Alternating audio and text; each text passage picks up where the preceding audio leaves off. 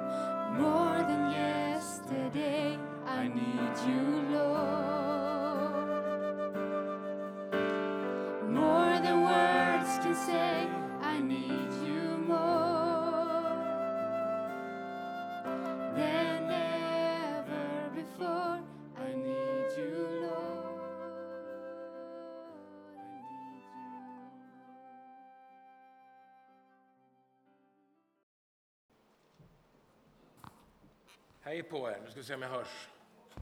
Vad kul att vara hos er igen, syskon och vänner.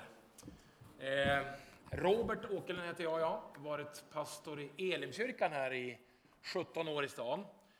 Och sen blev jag otroligt less på allting sånt och så lämnade jag det och så är jag nu i Open Doors. Nej, det är verkligen inte så. Eh, men ni vet hur det kan vara. Gud kallar en att stå i tjänst för honom och tjäna honom och hans rike. Och jag har verkligen trivs och trivs som pastor.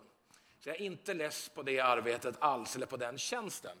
Men däremot så har jag haft lite tankar. Så här, ja men Gud, hur länge tänker du att jag ska vara här i den här församlingen? Tycker du att jag behöver jag göra något annat? Behöver församlingen lite förnyelse kanske? Vart kan, vart kan jag behövas? Det har funnits hos mig. Jag har inte gjort något mycket av det. Jag har fortsatt att jobba och kämpa. Pandemin kom, ni vet allt det här. Och så plötsligt ringer telefonen i april månad. Och så är det en kollega från Örebro som jag känner. Han är pastor, varit pastor i många år. Lite äldre än mig, bara några år. Och så säger han, ja, du kanske inte vet det, men jag, jag, jag är inte pastor i, i den församlingen längre. Jag jobbar, jobbar med något annat. Nej, det visste jag inte, så. jag. Vad gör du då? Jag jobbar för Open Doors, sa han. Så berättar han vad det handlar om. Ute och möten, predikar, få använda predikogåvan, tjänsten för Guds rike. Men kanske en del andra saker är lite annorlunda. Jag har inte samma ansvar längre eftersom jag inte är pastor i en församling. Och när han säger det där, då är det som om någonting klickar till i mig. Och jag känner verkligen, men Gud, det här är ju det som jag har gått och lurat lite på och känt. Det är något annat som jag, som jag ska in i och göra. Därför att både jag behöver det och församlingen behöver det. Så när jag lägger på luren efter det samtalet med honom så känns det som jag kan börja imorgon. Men då tänkte jag, det går ju inte. Jag har inte ens sökt tjänsten. Jag är pastor i en församling. Jag kan ju inte bara liksom lämna. Nej, så gör man inte, eller hur? Utan jag sökte tjänsten, den kom ut några veckor senare. Det tog bara ett tag så blev jag kallad till Örebro och så fick jag vara där på en intervju. Det kändes hur rätt som helst. Och så åkte jag hem därifrån. Och så första juni så ringer de när ansökningstiden är slut och säger vill du ha tjänsten så får du den. Eh, och det kändes så rätt ända från början. Eh, sen kan man ju gå med blandade känslor. Jaha, lämna församlingen där och de ska, hur ska de klara sig nu? Utan herde, utan mig. Ja, men det är klart att de klarar Det är Guds församling, eller? Ja. Och, men nu ber vi och nu kämpar vi för att hitta en ny pastor till Elim. Och det är inte klart än, men det finns intressenter och det har varit lite upp och ner där. Men så be gärna för det. Be för Elim, Eh, era syskon. Vi behöver en bra pastor där. Eh, bättre än det han som var tidigare, för han slutar ju. Eh, men i alla fall, det jag skulle säga var, jag behöver också en församling, så vi är ju kvar i församlingen. Jag behöver en bas. Jag behöver få lyssna till predikningar, jag behöver Guds ord. Jag behöver de som leder mig. Det räcker inte med att jag far runt och, och gör lite gästspel här och där. Än hur bra det kan vara. Jag behöver en bas, så därför är vi kvar i församlingen och med där. Så det känns fantastiskt. Jag ska bland annat vara med och driva Alfa här nu under, under våren. känns väldigt kul. Men nu är jag här för Open Doors. Och jag måste säga att jag trivs jättebra med det. Det känns verkligen som Gud har gett mig en tjänst där jag får använda mina förmågor och gåvor och där jag får inspirera andra. Så faktum är att min tjänst heter att jag är inspiratör och talare för Open Doors. Känns väldigt, väldigt roligt och meningsfullt. Nu får ni bilderna på, på sidoskärmarna idag, så, så är det enligt order från högre ort. Ehm, jag vill börja med att berätta om de här två tjejerna. Ska vi se om det funkar. Det här är Mariam och Marcy. De är från Iran. De längtade verkligen efter en nära relation med Gud. Såg inte att de fick det, kände inte att de fick det i den tro de hade inom islam. Och så möter de båda två Jesus i unga år. Upplever verkligen hur Gud fyller dem med hans kärlek, med nåd och sanning. De får en nära relation med Gud. De hamnar på en bibelskola i Turkiet. Där känner de sig kallade tillbaka till Iran. Båda två. De flyttar hem till Iran, hamnar i Teheran, huvudstaden i Iran. Och så känner de, Gud kallar dem att börja dela ut biblar i Teheran. Så de fyller sina ryggsäckar på kvällar och nätter och går ut och börjar norrifrån i stan och delar ut biblar i postlådor och i hem. Hmm. Ja, det är en utmaning det va. Det går bra för dem. De startar en husförsamling i sin lägenhet för ungdomar och en till för utslagna prostituerade kvinnor. Men ryktet går på parlamentet i Teheran att en stor grupp kristna håller på att täcka hela stan med biblar. Den stora gruppen, det är de två. Mariam och Marcy. Och det går bra tills de blir rapporterade. Polisen kommer hem till dem, tömmer deras lägenhet på alla bevismaterial, allt de kan tänka sig finna. Sätter dem i häktet där de sitter inlåsta mycket längre än alla andra. Och sen sätter de dem i det beryktade Evin-fängelset. Det som var på nyheterna här under hösten, där det brann på en avdelning nu i samband med de här protesterna. Där sitter de inlåsta. De är kristna, tror på Jesus, men ingen rättegång överhuvudtaget. Och där sitter de och de är ju förtvivlade såklart i början. Ber Gud, du måste släppa ut oss härifrån. Tills de känner. Gud har ju satt oss här av en anledning. Och de börjar vittna. Och det är fullt av andra kvinnor på den avdelningen där de sitter. Och de får leda dem människor till tro, de får be men de får vittna för var och varannan fånge. Hur många som helst. Och de får se mirakulösa frisläppanden av vissa fångar som har suttit där väldigt länge. Så de får verkligen se Guds nåd och sanning där innanför murarna. Men snart så reagerar världssamfundet. Amnesty International, Voice of America, Open Doors med flera. Till och med om man läser boken som finns på bokbordet där nere som du kan ta med dig hem idag. Fångarna i Iran heter den boken som handlar om dem. Så står det att Vatikanen hörde av sig. Så till slut Ja, faktiskt en av fångvaktarna vid ett tillfälle säger till Marcy, hon i rosa här, varför håller ni på att berätta om Jesus här innanför fängelsemurarna? Ni borde sluta med det. Ja, säger hon frimodigt. Det gör vi det för att ni har satt oss här. När våra medfångar frågar om vem, varför vi sitter inlåsta, då måste ju vi svara. Och då svarar vi att vi tror på Jesus. Det är därför vi sitter här. Och vet ni, Jesus kan ni också få lära känna. Så det är ert fel, säger hon. Ja, de blir ju tokiga på henne såklart, och på dem. Men vet ni vad hon svarar? Igen, säger bara tydligt till honom, gör vad ni vill. Så länge ni inte skär av mig tungan kommer jag fortsätta att mätta människors hunger efter att få veta sanningen om Jesus. Och så säger hon, och om ni skär av mig tungan tänker jag fortsätta dela evangeliet med teckenspråk. Och ändå så när jag säger det, och vi ska jubla över det, men då vet vi att det finns hundratals och tusentals människor bakom en sån berättelse som aldrig blir frisläppta. Sådana som sitter inlåsta, som blir torterade, fängslade, som dödas, som sätts i arbetsläger beroende på vilket land vi pratar om. Men Mariam och Marcy blev frisläppta till slut. För att behålla någon form av heder var den iranska regimen tvungen att släppa dem. Och de blev fria efter nio månader. Deras vittnesbörd går att se faktiskt på, på Youtube och det finns inspelat från, på, från lite olika håll i världen. De bor själva i Amerika idag. Eh, nästa jag vill säga någonting om det här bibelordet, för det här stör mig. Om det inte stör dig så vill jag prata med dig ordentligt. Eh, jag har nog aldrig predikat över det här bibelordet faktiskt. Jag har ju läst det såklart, men jag har nog inte tänkt djupare på det förrän jag började jobba för, för Open Doors. Och så tänker jag, varför står det alla? Varför står det inte några? Eller varför står det inte nästan alla? Så jag kunde känna mig lite trygg. Varför står det att alla som vill leva gudfruktigt i Kristus Jesus kommer att bli förföljda? Och det värsta är att när jag började fundera på det där och vände på frågan så blev det ju någonting rakt in i mitt eget liv. Och så tänkte jag, om inte jag upplever motstånd och förföljelse av något slag, vad säger det om min tro och hur gudfruktigt jag lever? Bibeln är inte sån, och det får ni alldeles strax se ett, ett, en till vers. Bibeln är inte sån att den uppmanar oss att söka upp martyrskap. Det är inte den tron vi har. Det säger inte Jesus heller, men det han säger är att vi ska vara beredda på att om de har förföljt honom så kommer de att förfölja oss. Och det här stör mig.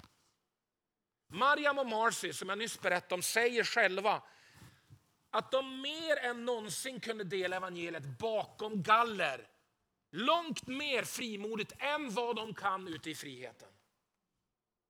Och det kan vi tycka är hur märkligt som helst. Det är klart att de inte längtade in i ett fängelse. Men de blev satta där för att de trodde på Jesus. Jag tror att våra kyrkofäder hade rätt. Augustinus om den förra versen säger om du vill pröva det så lev lojalt mot Kristus så kommer du att se att han har sant. För då kommer förföljelsen, då kommer motståndet. Då kommer någon form av obekvämt lidande in i ditt liv. Tertullianus sa ju det, han på 200-talet, att martyrernas blod är kyrkans utsäde. Jag tror att det är sant. Läs Bibeln så ser du att den är skriven av förföljda kristna till andra förföljda kristna. Egentligen. Jag har inte riktigt tänkt så själv. Det är klart att jag har sett förföljelsen i Bibeln. Läs apostlagärningarna. Vad är det som händer? Anden faller, församlingen blir fylld av anden. De vittnar. Vad sker sen? Människor kommer till tro. Vad händer? Det blir ett motstånd och en förföljelse som är enorm. Vad leder den motståndet och förföljelsen till? Jo, att församlingen skingras ut. Vad gör Gud med det? Sätter sig ner och kliar sig i huvudet och funderar på att lägga ner. Tvärtom! Han använder hela den förföljelsesituationen så att evangeliet når ut över nya gränser. Ut i den dåtida hedniska världen. Så det verkar som att Gud vet vad han gör. Vi kanske inte kan säga det är Gud som kommer med förföljelsen. Det är ju onda krafter och makter. Satan är vred på Guds församling. Men Gud har förmågan att ta det och vrida det till seger för Guds rike. Och Det här syns genom hela historien. Överallt där kyrkan egentligen har varit förföljd genom historien, så växer den. Jag tror ingen av oss sitter här nu och känner, ja, låt oss ge oss lite förföljelse. Nej, det gör vi inte. Men vi ska räkna med att om Jesus är Herre och Frälsare i våra liv, i våra församlingar, så kommer motståndet också att visa sig. Så är det.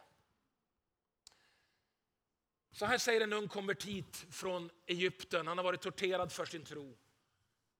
Vi står i samma kamp du och jag, därför är vi ett. Den enda skillnaden är att er strid tar sig en subtilare, hårfin form. Men det är samma kamp. Hans, hans kamp är brutal, säger han till och med. Ser ni? Och Jag tror att det här är viktigt för oss att förstå. Det är så lätt att tänka. Ja, men vi har det så bra i vårt land. Vi är ju välsignade, eller hur? Vi brukar se det som en välsignelse. Vi bor i ett demokratiskt land, vi är fria, vi får lovsjunga och tillbe vår Herre. Och det är ingen som stoppar oss i det. Visst, sen kan vi göra dåliga saker också vi kan få motstånd för att vi är klumpiga. Men det är något annat. Men vi är fria att tillbe Jesus. Men kampen finns lika fullt där. Och vi behöver förstå att stå tillsammans med våra syskon runt om i världen. Jag har fått upp något annat här som inte ska vara här. Nu ska vi se. Eh, den här mannen, han följde Guds kallelse. Anne van der Bie, eller Broder Andrew, kanske har du hört talas om Guds smugglare. Han är också grundaren för Open Doors. Han stod på en kommunistisk konferens i Warszawa i Polen 1955. Inte för att han var kommunist, utan för att han var nyfiken på vad är det här för rörelse? Hur jobbar Gud bakom järnridån? Och vad händer där? Och så får han ett bibelord, det som står här. Vakna upp och stärk det som finns kvar och som var nära att dö. Och han inser att Gud kallar honom med det bibelordet att göra allt han kan för den kristna församlingen bakom järnridån. Så han börjar resa på Östeuropa. Han smugglar biblar och litteratur. Han går in i den tjänst som Gud kallar honom till. Och så många gånger när han körde den här lilla bubblan, ljusblå liten bubbla, tusentals mil fram och tillbaka från den fria världen in bakom järnridån. Fyllde den med biblar, kristen litteratur, kommer till gränsen och det är minutiösa koller. De plockade ibland ut allting ur en bil för att kolla vad, de, vad människor hade med sig in. Många gånger så bad han smugglarens bön. Den kan du va? Den går så här. Herre, du som öppnade människors ögon när du gick här på jorden. Nu får du stänga gränsvakternas ögon så de inte ser vad jag har i bilen. Varenda gång blev han bönhörd. Jag såg ett gammalt klipp med honom visserligen från någon sån här talkshow i USA där han sa det. Varenda gång han blivit, han har inte blivit av med en bibel.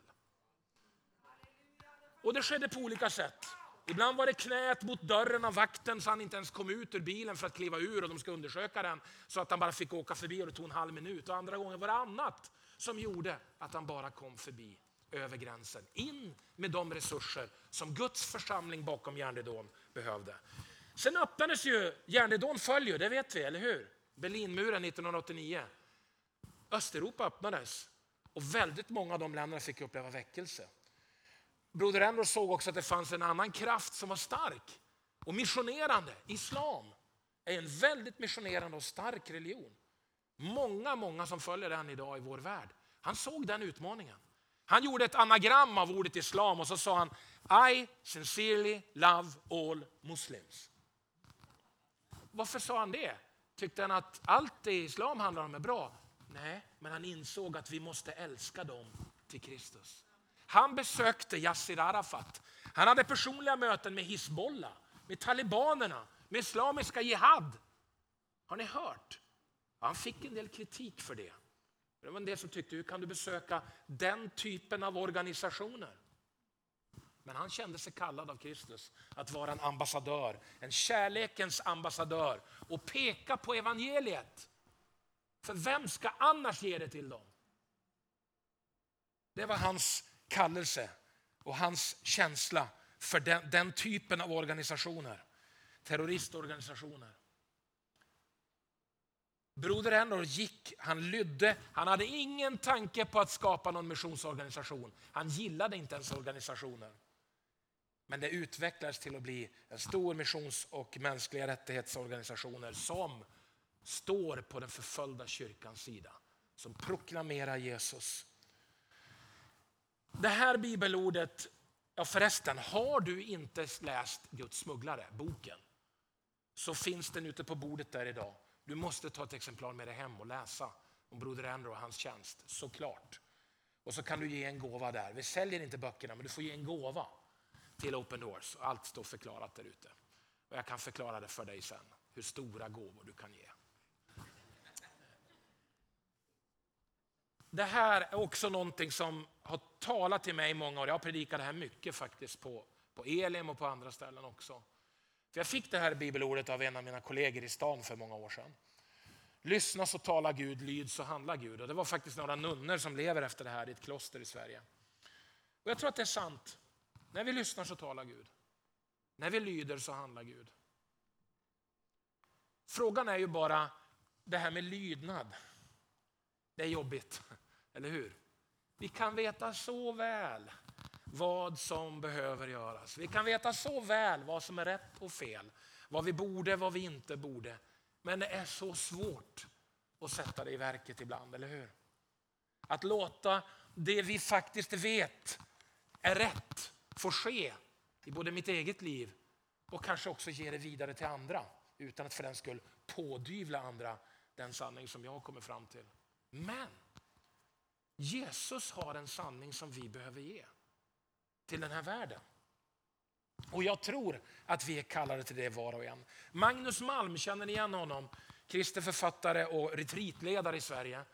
Eh, han har bakgrunden i, Frälsningsarmén i Sverige. Han säger så här om, om oss svenskar.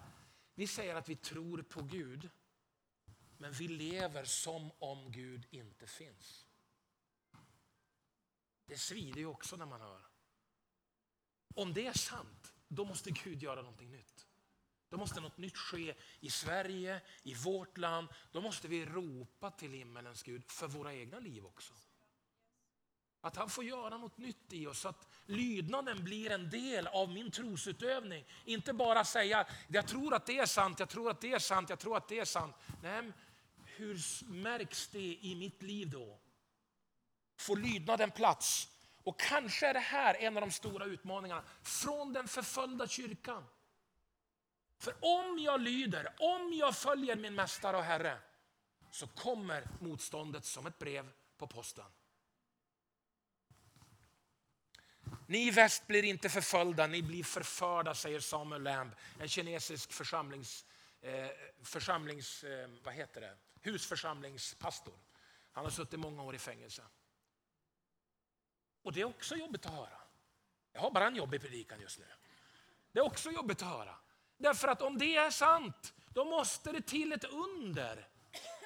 Att vi slutar att bli förförda i vårt land.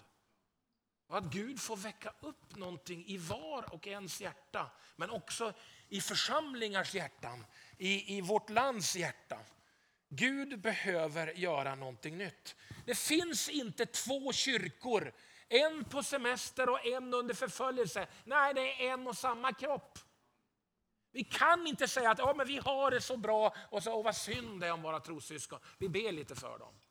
Vi behöver stå med dem. Det behöver inte betyda att vi måste sätta oss i fängelset med dem, men det betyder att vi agerar på massor med olika sätt. Det betyder att vi ber för dem, framförallt ber för dem. Men det betyder också annat. Och om det här är sant, då är bibelordet sant som Paulus säger. Att om en kroppsdel lider, så lider de andra med den. Om en kroppsdel blir ärad, så blir alla de andra kroppsdelarna ärade med den. Det är vad Paulus säger. Så vi hör ihop, vare sig vi vill eller inte. Vare sig vi vill eller inte hör vi ihop med Mariam och Marcy och alla andra som sitter inlåsta eller har suttit inlåsta eller blivit torterade eller blir just nu torterade för sin tros skull.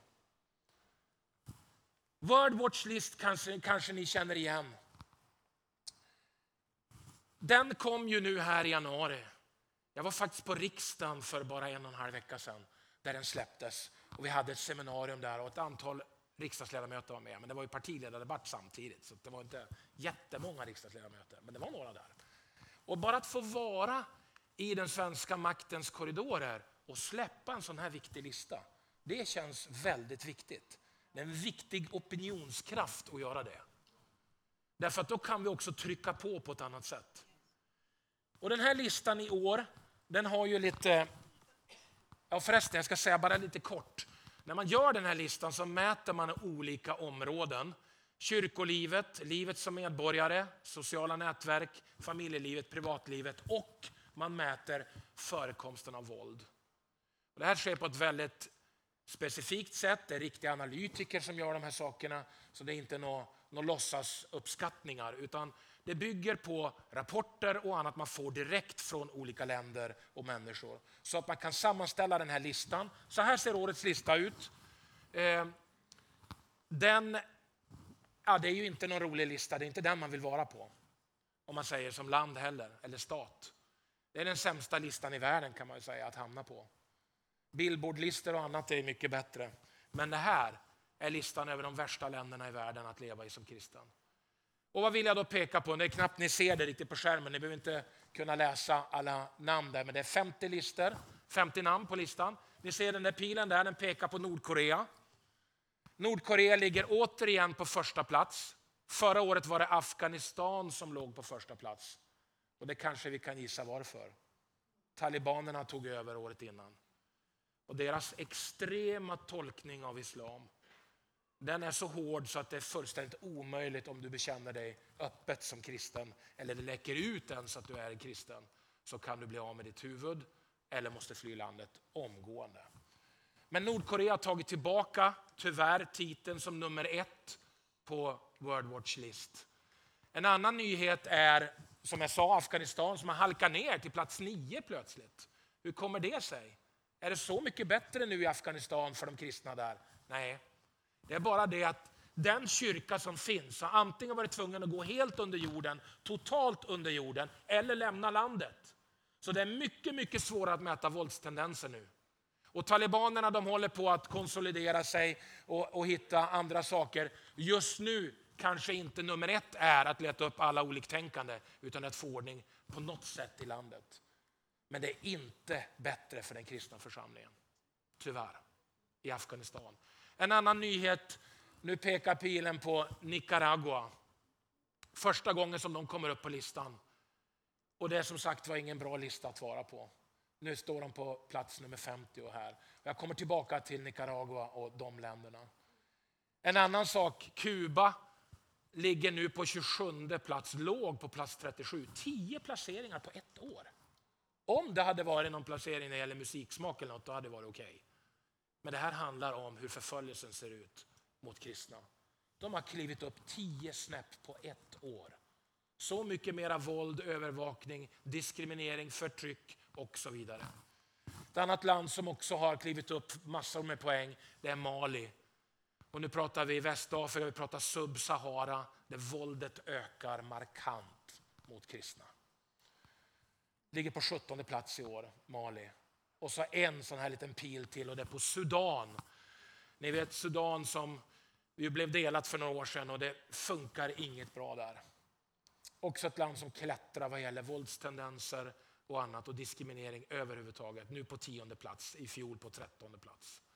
Så här ser det ut över världen. Ni hör hur nedlåtande den här predikan är. Ni går hem bedrövade. Nej, jag hoppas inte det. Jag tror att du kommer att vara berörd efter att predikan är klar. Men så här ser verkligheten ut. Det ser illa ut runt om i världen. Och låt mig, låt mig få visa er ett litet, litet filmklipp här på de länder som har ökat mest så får ni lite fakta. Förföljelsen mot kristna ökar i en önation i Karibien. Ett västafrikanskt land plågas av militärkupper och en svag start i nordöstra Afrika kämpar för överlevnad. Varje år sammanställer Open Doors World Watch List listan över de 50 länder där förföljelsen mot kristna är allra allvarligast. I dessa tre länder har förföljelsen ökat mest. Från plats 37 till plats 27, Kuba. Efter protester mot regimen i juli och november 2021 så ökade den diktatoriska ledningen sin press på alla kristna ledare, lekmän och aktivister som kritiserat de kommunistiska principerna. Kristna ledare övervakas konstant, arresteras eller kidnappas. Många tvingas betala böter. Myndigheterna nekar kristna in och utresetillstånd samt visum. Kristna utsätts också för fysisk och psykisk misshandel. Från plats 24 till plats 17, Mali. Den svaga, korrupta och på många sätt antivästliga regeringen menar att flera kristna grupper är allierade med väst. Efter flera militärkupper använder nu militärregimen sig av ryska legosoldater från Wagnergruppen vars attacker mot civilbefolkningen även skadar kristna. Utanför städerna utnyttjar islamistiska grupper det maktvakuum som finns och sätter en enorm press på kristna samfund och kyrkor. Från plats 13 till plats 10, Sudan. Muslimska brödraskapets ideologi har haft en enormt inflytande på den sudanesiska regeringen ända sedan den statskupp 1989 som förde president al-Bashir till makten. När han avsattes genom folkliga protester 2019 fanns det hopp om reformer. Men det hoppet bleknade i oktober 2021 när militären iscensatte ett totalt maktövertagande och tvingade bort de civila medlemmarna i övergångsrådet. Trycket på kristna och kyrkor når nu extrema nivåer. Kyrkor som tvingas stänga har inte fått öppna igen och kristna berövas sina rättigheter på många sätt då regeringen misstänker kristna att vara agenter för väst. Flera kristna har gripits på grund av sin tro. Kristna i Kuba, Mali och Sudan behöver våra böner och vårt stöd. Mer information om länderna i World Watch List, personliga berättelser och böneämnen det hittar du på vår hemsida www.open-doors.se Precis, det fick ni lite djupare där om de länder som har ökat mest på listan. Men det är ju illa. Och det är några trender som sticker fram som jag bara vill peka på så att du förstår bilden lite klarare hur det ser ut runt om. En är till exempel det ökade intresset för Kina-modellen. Vad betyder det? Ja, det betyder att Kina som enpartistat är ju väldigt pålästa på hur de ska få världen i övrigt att tycka att de är ganska okej. Okay. Eh, till exempel stod utrikesministern i FN för två år sedan från Kina och talade om mänskliga rättigheter på sitt sätt och talade om rätten till utveckling och lycka. Försöka alltså vrida mänskliga rättighetsfrågan om religionsfrihet och annat åt det hållet så att det handlar om utveckling och lycka. Men det är inte riktigt samma sak, eller hur?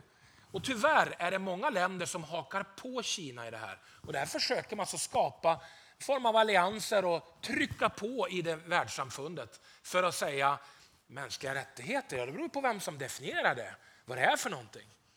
Och så försöker man skruva och skruva i det här. Och det är ganska allvarligt egentligen. Och de diktatoriska tendenserna och auktoritära tendenserna växer ju runt om i världen. Så det är flera av de här andra länderna som sneglar på Kina och tycker Kina är intressant i det här. Det är en allvarlig trend som märks. Kinas digitala kontroll påverkar definitivt kyrkan och de kristna. Alltså det är en enorm digital kontroll i Kina idag.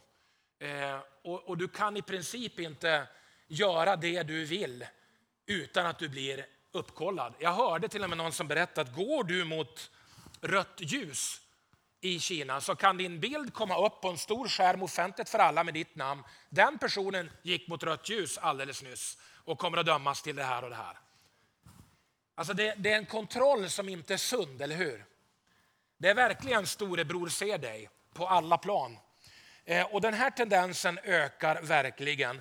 Och det är en del experter som talar om att det verkar som att löftet om ekonomisk utveckling, som Kina har pratat väldigt mycket om och driver det stenhårt, det har liksom börjat bytas ut mot säkerhet och stabilitet.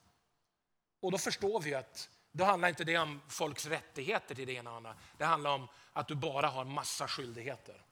Att du är skyldig att lyssna in vad staten har. Och man varnar, ni vet ju situationen med Huawei, vad man har pratat om där, om, om informationskanalerna, hur de går. WeChat finns det något på internet som heter de varnar själva och säger att det finns risk att det här hamnar i kinesiska myndigheters händer. Det är allvarligt.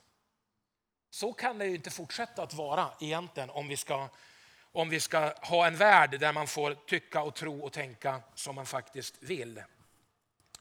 Ehm, men det är en trend som håller i sig. Och ändå vet vi, vad händer i Kina?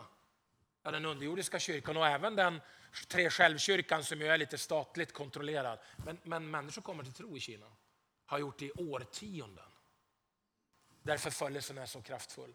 Kyrkans villkor i Latinamerika var vi inne på nyss. Ni såg här om, om Nicaragua. Och det är allvarligt. Kristna kläms både mellan kriminella nätverk, drogkarteller och andra som utövar ett enormt tryck, inte minst på kristna och på andra som står emot kriminaliteten. Som står upp, som har mött Jesus som säger det där är inte rätt. Och de får fly hals över huvud om de inte blir torterade eller dödade och så vidare.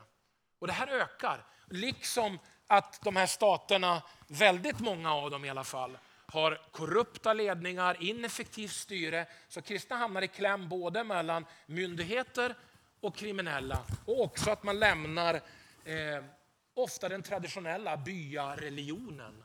Därför att jag har mött Jesus. Mitt liv har förvandlats. Och så upplever jag ett enormt tryck från byledningen. Jag kanske blir utesluten ur den här byn. Jag får inte ens gå och hämta vatten där jag brukar hämta vatten. Därför att jag är kristen nu.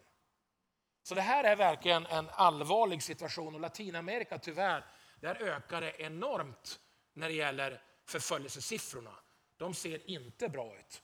Bara fyra länder tillsammans, Colombia, jag tror det var Colombia, Nicaragua, Kuba och Mexiko tillsammans har ökat 4,2 poäng på den här listan. Och det är vansinnigt mycket om man läser in på vad, vad siffrorna står för.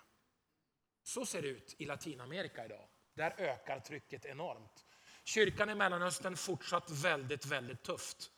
Där finns det några ljuspunkter kanske. Och det är att några av Gulfstaterna, eh, ja, den kanske inte kom där, nej, den kommer längre ner. Det var Afrika först. Men några av Gulfstaterna, till exempel Bahrain och Förenade Arabemiraten, där har man börjat liksom lätta lite på trycket lite grann. Men man kan nog ana att det också handlar om att man har specialhandelsavtal med Israel, man har skrivit på Abrahamavtalet, man vill åt israelisk säkerhetsteknik. Så frågan är om det på riktigt är en förändring till det bättre för minoriteter och för sådana som kristna till exempel. Eller om det bara är en skuggmanöver för att komma åt det man faktiskt vill. Våldet i Afrika, det hörde ni om lite grann här när det gäller Sudan. Det ser inte bra ut söder om Sahara. Alla de länderna, det är enormt mycket av våld och för din Boko Haram, al-Shabab, alla de här rörelserna driver på. Det finns ju en agenda som inte är så offentlig för världen. Men den fanns och den fanns utlagd en gång i tiden. Eh, och det här kanske man inte ska sprida hur som helst. Eh, men, men den är inte offentlig idag, den finns inte att få tag i tror jag men där man har som mål att göra Afrika till den första helt muslimska kontinenten. Och det är klart, det vet de här rörelserna, det drivs de av och det jobbar man för, för att komma dit också. Eh, jag ska inte trötta ut er med allt för mycket. Jag fick åka till Irak här i höst. Börja sitt nya jobb med att åka till landet Irak. Vad roligt. Det var liksom inte det. Birgitta, ska vi åka på lite semester? Vi åker till Irak. Ja, äh, hon var inte med på resan. Men jag fick åka iväg och vi var fem stycken andra, så vi var sex stycken i den här gruppen. Och vi åkte upp till norra delarna i Kurdistan där det är lite, lite lugnare. Eh, UD avråder från resor till övriga Irak fortfarande. Men att få möta kristna på plats, att få möta präster och biskopar till och med, som jobbar med sina församlingar och som pratar om familjer. Vi har 1500 familjer, vi har 2000 familjer, men det sjunker varje år. För de flyr landet. Ni vet hur IS härjade i Irak, Syrien och Irak. Man ville bygga upp ett islamskt eller islamistiskt kalifat där uppe. Nu har IS trängts tillbaka en hel del. Men man fördrev ju kristna från sina byar och hem. Man förstörde ju massor med byar på Nineveslätten utanför Mosul. Det är ju gamla Nineve, det vet ni va? Så Mosul är ju gamla Nineve. Så Nineveslätten pratar man om som kristna i alla fall, som benämner man det så. Eh, och där fördrevs ju väldigt många kristna. En hel del dödades såklart, men fördrevs från sina hem. Hemmen förstördes. Där håller man nu på och bygger upp det, inte med statens hjälp tyvärr, utan med kyrkor och hjälporganisationer och andras, andras hjälp. Open Doors finns också med där. Så visst händer det saker, men den kristna befolkningen i Irak minskar och minskar och minskar. För hundra år sedan var en tredjedel av Iraks befolkning kristen. Idag är 0,5 procent det. 0,5 procent. Vi behöver be för Irak, vi behöver be för Mellanöstern.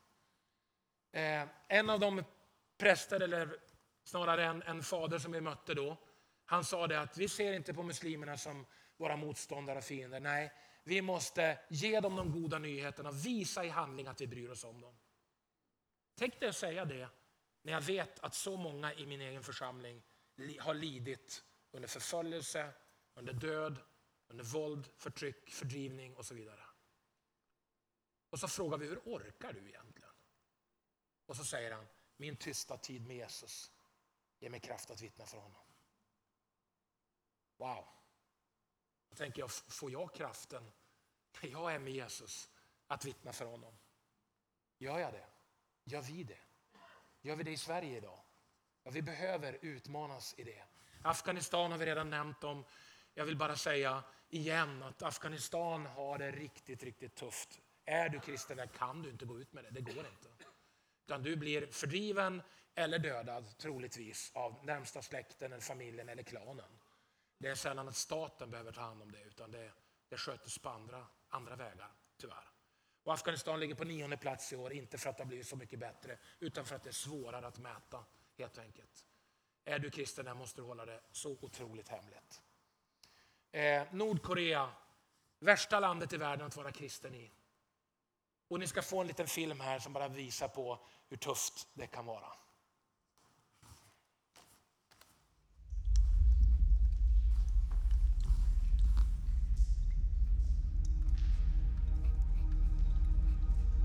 형제님 보시오. 우리는 주님의 은혜와 여러분의 은혜로 평안하게 잘 지내고 있습니다. 이 글을 쓰는 이 순간 내래 마음이 무겁습니다. 우리가 결코 보답할 수 없는 선물을 여러분들에게서 받았기 때문입니다. 우리가 갖고 있던 성경책은 발각되는 순간 처리되었습니다. 그리고 우리는 그리스도인이었기 때문에 머나먼 곳으로 추방되었습니다. 이제 결코 도망갈 수 없게 되었습니다. 여기서 일하는 것은 힘이 듭니다. 배급도 충분하지 않습니다. 우리는 항상 배고프고 또 아픕니다. 여기서는 살아남기 위해서 스스로 먹을 것을 찾아 나서야 합니다. 그러나 매일 아침 눈을 뜰 때 주 하나님의 임재를 느낍니다. 여전히 주의 종으로 섬길 수 있도록 강건하게 하시는 우리 아버지 하나님께 감사드립니다.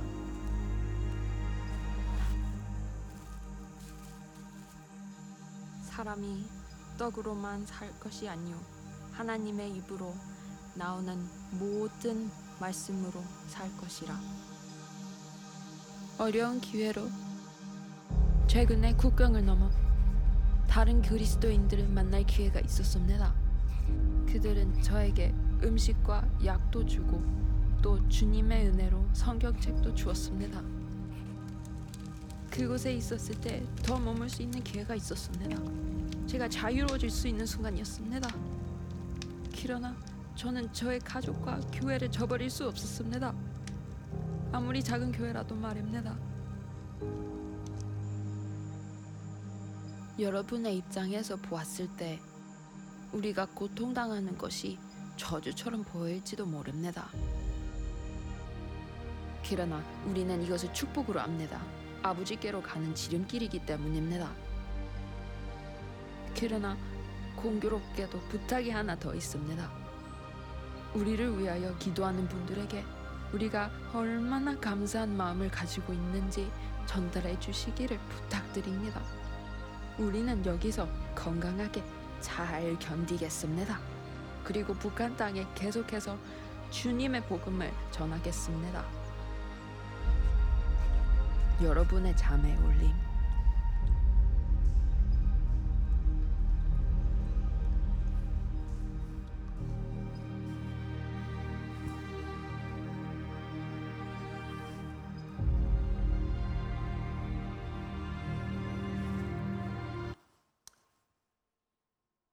Nordkorea som sagt var är riktigt, riktigt tufft. Man har ju tagit där en ny antireaktionär tankelag där det står väldigt tydligt att om du blir ertappad som kristen eller har en bibel i din ägo så innebär det mycket, mycket hårda straff. Man tror ju någonstans mellan 50 och 70 000 kristna sitter i arbetsläger eller i de värsta fängelserna i Nordkorea. Om du nu inte dödas på fläcken så att säga så sätts du i arbetsläger. Ofta gör man dessutom så att om du som en familjemedlem blir tagen och är kristen så tar man övriga familjen också och sätter den i arbetsläger. Och det är för att liksom verkligen få utrota den kristna närvaron i, i landet. Det finns bara en som ska tillbes och det är familjen Kim. Det är Kim Jong-Un som är Gud. Och det är Kim Jong-Il och Kim Il-Sung, de som har suttit på tronen i Nordkorea eh, bakåt i tiden också. Så ser det ut i Nordkorea. Det är riktigt, riktigt illa där. Eh, det blir dessutom lite hårdare sen, sen pandemin och det här så bevakar man gränserna mot Kina ännu hårdare. Där många kunde fly över förut och få lite hjälp, medicin och mat och annat sånt så är det betydligt svårare att göra det idag. Men hörni, nu ska jag inte trötta ut er med mer om olika länder utan jag vill bara avrunda en liten stund nu med, med det här jobbar ju Open Doors för, både med den fria kyrkan, det vi gör nu, att vi blir upplysta, att vi förstår, att vi står med den, våra syskon. Man jobbar med den, den hotade kyrkan där förföljelsen inte är helt uppenbar än, men det trycket ökar så att man är redo liksom att, att stå fast när stormen kommer. Och sen jobbar man ju direkt med den förföljda kyrkan. Allt från bibelspridning, fortsätter med, med, med sånt när det gäller litteratur, biblar, eh, ledarträning, lärjungaträning, men också mikrolån, traumavård efter förföljelser, krig och annat. Så man gör väldigt många konkreta insatser. Eh, Open Doors känner att det är en otroligt viktig uppgift, det vi håller på med. Eh, den där ska jag hoppa över. Vad kan du och jag göra då? Jo, jag har redan sagt det, du kan be. Och det roliga är, eller roliga, det märkliga är när, vi, när man frågar den förföljda kyrkan, vad ska vi be för? Eller hur ska vi? Då säger de, be inte för oss, säger de. Och då ryggar man ju tillbaka och tänker, vad menar de? Be med oss, säger de. För om ni ber för oss, då ber ni att det ska bli frid, lugn och ro, förföljelsen ska upphöra. Det ber inte vi, säger de. Vi ber om kraft att vittna och stå fasta mitt i stormen. Vi ber om att fler ska få möta Jesus. Det är vad vi ber om. Och vi ber att ni säger det till era vänner och era församlingar, att fortsätta be tillsammans med oss. Och jag tänker, jag skulle aldrig ens komma på att säga så. Jag ska bara säga, be att jag blir fri. Be att jag får slippa det här. Och de ber om kraft att stå där mitt i stormen. Wow. Det är en lärdom, verkligen. Vi har något att lära av den förföljda kyrkan. Du kan också ge, självklart. Och jag hörde att det skulle vara med här och få ge en andrahandskollekt. Gör det om du kan det. Eh, verkligen. Och sen kan vi agera. Vi kan agera på många sätt. Vi kan eh, fortsätta att stå med genom att till exempel skriva på de här listorna ute på borden så får du det här magasinet och bönekalendern. Det är ett sätt att agera, att vara med i bön, att stå där. Så har du inte magasinet, skriv på så får du den hem till postlådan. Och du behöver inte betala någonting för den och du säger upp den när du vill. egentligen. Men det är ett sätt att vara aktivt med och be. Eh, det här är en bönesamling som händer en gång i månaden. Faktiskt nu på tisdag, 1 februari, så kommer det sändas från Örebro. Det är en timme konkret bön för den förföljda kyrkan. Man får tydliga fall att be för, tydliga länder och berättelser. Och så ber man i direktsändning. Du kan såklart bli en månadsgivare. Det finns information om det där ute på bokbordet. Om du känner att du vill det så är det ju såklart jättevälkommet. Man kan vara med i skrivkampanjer, att skicka brev i tusental från olika länder till de här eh, människorna som sitter fängslade eller förföljs eller sitter inlåsta. Det utövar ett påtryck på de här regimerna som verkligen de måste ta hänsyn till förr eller senare. Och man kan resa med Open Doors. Vi kan alltså åka med på en sån här resa till något land där du möter direkt förföljda kristna eh, tillsammans med Open Doors och då får man ansöka om det. Så det uppmuntrar jag dig till. Känner du att det här ligger på ditt hjärta på ett speciellt sätt, ta chansen att resa ut. Det är inte en semestertripp, men det är en säker och det är en bra resa. Men du kommer att vara förvandlad när du åker hem därifrån. Var så säker. Nu tänkte jag avsluta med en berättelse om Dimitri. Om ni orkar, jag ska titta på er ordentligt. Ni sover inte, ni är vakna. Nästan. Kaffet kommer snart. Jag måste få berätta om Dimitri. Dimitri levde utanför eh, Moskva i Ryssland. Växte upp i en kristen familj. När han själv blev vuxen så skaffade han sig familj, fick tre söner. Och han kände en sån längtan efter att hans söner skulle få fatt i vem Jesus är. Så en dag säger han till sin fru, vi har ju tre dagsresor till närmsta kyrka därför att kommunisterna har stängt allting. jag skulle vilja berätta för våra söner ur Bibeln lite oftare. Tycker du att det är bra? Och hon bara, ja, det har jag bett för länge att vi ska göra något sånt. Så de börjar göra det. Snart reagerar grannarna. De hör liksom genom väggar och öppna fönster och allt vad det är. Dåligt isolerade hus. Eh, och så säger de, ah, vi vet vad ni gör, vi vill också vara med. Ah, men säger Dimitri, jag är ingen, det här är ingen kyrka eller någonting, Det är bara, vi bara läser lite Bibeln och sjunger. Ja, ni sjunger salmer.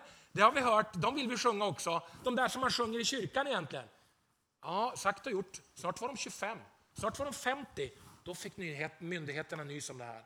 Börja trycka på och säga Dimitri, om du inte upphör med den här verksamheten, då går det illa för dig. En dag är de 75 samlade i hans hus. Det knökar fullt, det står folk utanför. Fönstren är öppna. Där står de. Och han läser ordet för dem, de sjunger salmer. In kommer en officer med ett antal soldater med honom. De kommer in, trycker sig fram i samlingen, trycker upp Dimitri mot väggen, slår honom i ansiktet och säger om inte du slutar med det här omgående kommer något mycket värre att hända dig. Så släpper han ner honom. Så tränger han sig ut den här officeren genom alla folkskaran. är helt tyst i rummet. Helt blixttyst. En liten babusjka kliver fram framför ansiktet på honom. Viftar med fingret och säger du har lagt hand på en gudsman. Det kommer inte att sluta väl. Två dagar senare faller officeren död ner. Jag varnar er, säg inte sådana profetier för ofta. Jag tror inte det alltid är vår uppgift, hur som helst. Men det här var tydligen meningen. Vad händer? Var det färre nästa vecka? Nej, det var 150 på plats då. De fick inte plats och nu reagerar myndigheterna. De tar Dimitri och sätter honom i ett fångläger 100 mil från hans familj. Och i 17 år försöker de bryta ner honom. I 17 år, lika länge som jag har varit pastor i Elin. Och jag blev inte nedbruten, jag blev uppbyggd. Han försöker de bryta ner. Och så säger han, två saker fick mig att överleva.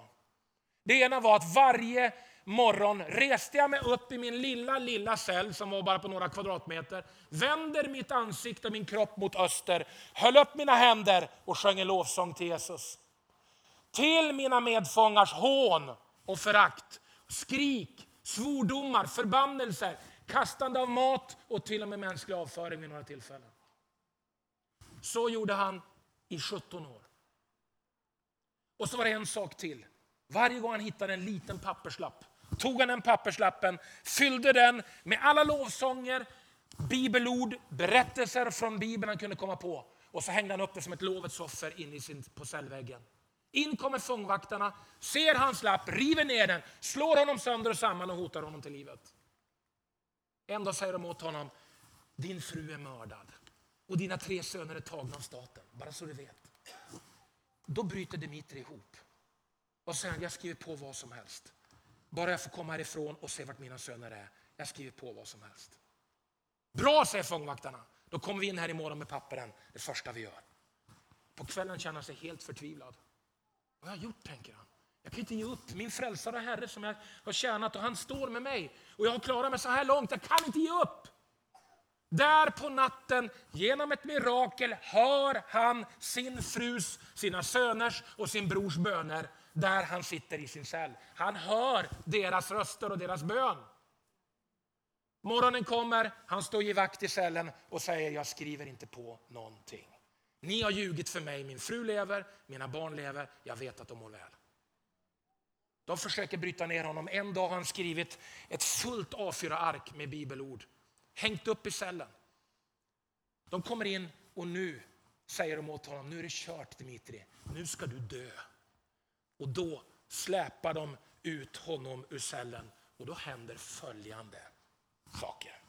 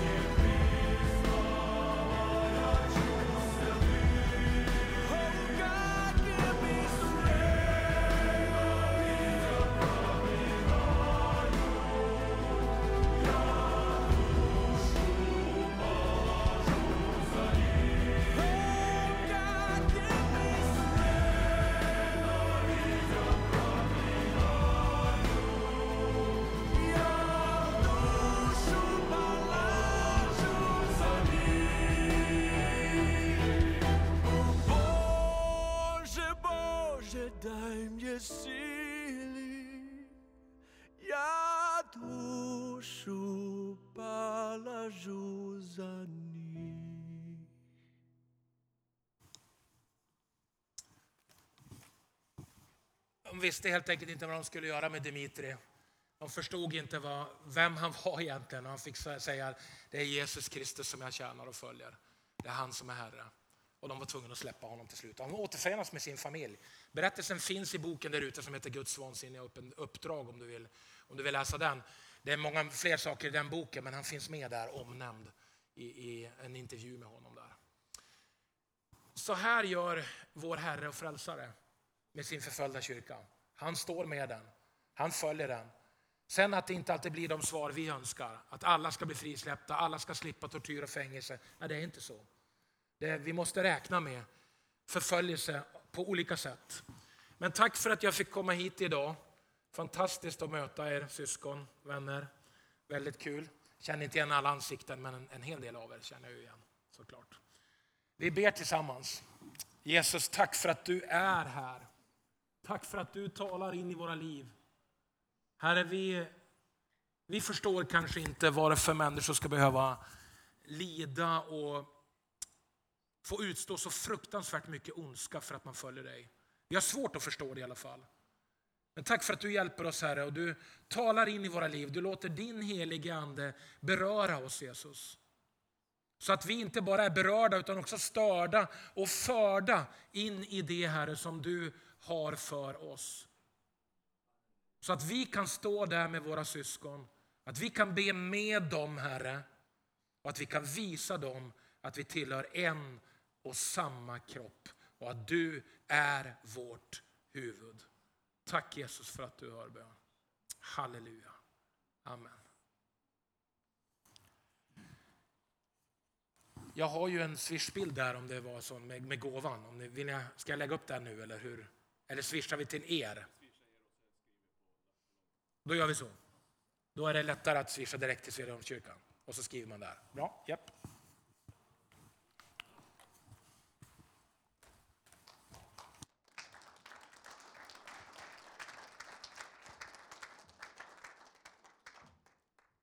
Tack så jättemycket Robert. Om du inte har blivit berörd idag, då vet jag inte. För att det känns på insidan som man bara gråter egentligen på insidan. Det är som man bara gråter. Att det ska måste vara på sätt och vis. Att det ska vara så stor skillnad. Och egentligen vilken orättvisa egentligen det är på det området. Men mitt i, jag kan bekräfta det Robert säger, liksom, mitt i allt så händer det saker och ting. Människor blir frälsta. Jag träffade två kvinnor i Turkmenistan. De kom fram till förbön. Och de sa, kan du be för oss? För vi blir slagna med jämna mellanrum i vår lilla by. Men ni får inte be att, vi ska, att de ska sluta slå oss, utan ni ska be att vi kan härda ut. För det blev så många frälsta där. Jag känner två stycken eh, Azerbajdzjan som har suttit i fängelse i, i Iran. De sa det var varje fredags bön var det som väckelsemöte, sa Vi gick på, i moskén, i moskén på eh, fredagsbön, böjde våra knän på våra mattor. Så kommer någon bakom, kan du be för mig? Jag vill bli frälst. Det hade spridit sig i fängelse, det var kristna. Det var väckelsemöte varje fredag, sa han. Så att eh, vi ska bara fortsätta att be och stå tillsammans med dem och hjälpa dem på alla sätt. Vi ska ta upp en gåva och eh, du kan swisha på Svedjeholmsnumret och sen så skriver du Open Doors. Så förmedlas det. Så att eh, vi får vara med och stötta dem. Och eh, jag tänkte bara när jag satt där nere, hur avslutar man en sån här gudstjänst? Jag kände bara ett behov av att egentligen skulle det bara komma fram och böja knä allihopa. Kan vi göra någonting annat än bara be? Än bara ropa till Gud för dem? Våra syskon, det är dina bröder, det är dina systrar. Och jag tänkte samtidigt hur det ser ut i Sverige. Det är gängkriminaliteten, det skjuts varje dag du vaknar så är det någon som är skjuten. Vi borde ta vårt ansvar mycket, mycket mer. Bara böja oss och bara be Gud Förbarmade över Sverige. Vad behöver vi egentligen? Ja, vi behöver väckelse rakt upp och ner. Jag skulle bara säga så här bara, vi behöver väckelse och börja med mig. Börja med dig. Jag skulle vilja att vi bara ber på att vi har den längtan allihopa. Gud, vi börjar ropa, vi måste börja bli desperata. Gud, vi behöver väckas i Sverige. Men börja med Kristi kropp. Börja med våra syskon. Börja med mig. Så jag skulle vilja bara göra inbjudan att vi ska bara ha en stund av förbön. Vill du ha förbön? Vi har jättemånga förebedjare här. Har Gud talat till dig på ett område? Är du sjuk? Det är många som är sjuk i den här tiden har jag märkt. Behöver du hälsa och liv? Vi ska stå tillsammans och tro Gud om mirakler. Gud kan hela människor än idag. Gud kan göra mirakler än idag. Eller vill du bara komma fram bara och bara utgjuta ditt hjärta för Gud så är du bara välkommen fram. Du ska få ta emot Herrens välsignelse. Jag tar med lovsångarna, de har lovat att de ska stå här framme, vi ska spela, de ska, vi ska sjunga, vi ska bara upphöja Jesus. Men jag bara känner liksom på insidan att vi bara ska avsluta på det sättet. Robert är med oss, vill ha förbön. Men du ska få ta emot Herrens välsignelse. Och du som vill bara gå ut och fika, känn full frihet, inget tvång på sätt. Men om du bara känner att du vill ha ett möte med Gud, så ska du få ett möte med Gud idag. Ska vi stå upp? Ska du få ta emot Herrens välsignelse. Herren välsigne dig och bevara dig. Herren låter sitt ansikte lysa över dig och vara dig nådig. Herren vänder sitt ansikte till dig och giver dig din sin frid. I Faderns och Sonens och den helige Andes namn. Amen. Tack för du som har lyssnat, du som har följt oss via webben, du som har varit här idag. Ha en välsignad vecka. Men välkommen fram. Och vi ska bara bevara en atmosfär av bön. Så välkommen du. Jag tog med mig några bönedukar. Är det någon som behöver en böneduk så kom fram och ta en böneduk. Ska vi be tillsammans, ska stå tillsammans som syskon.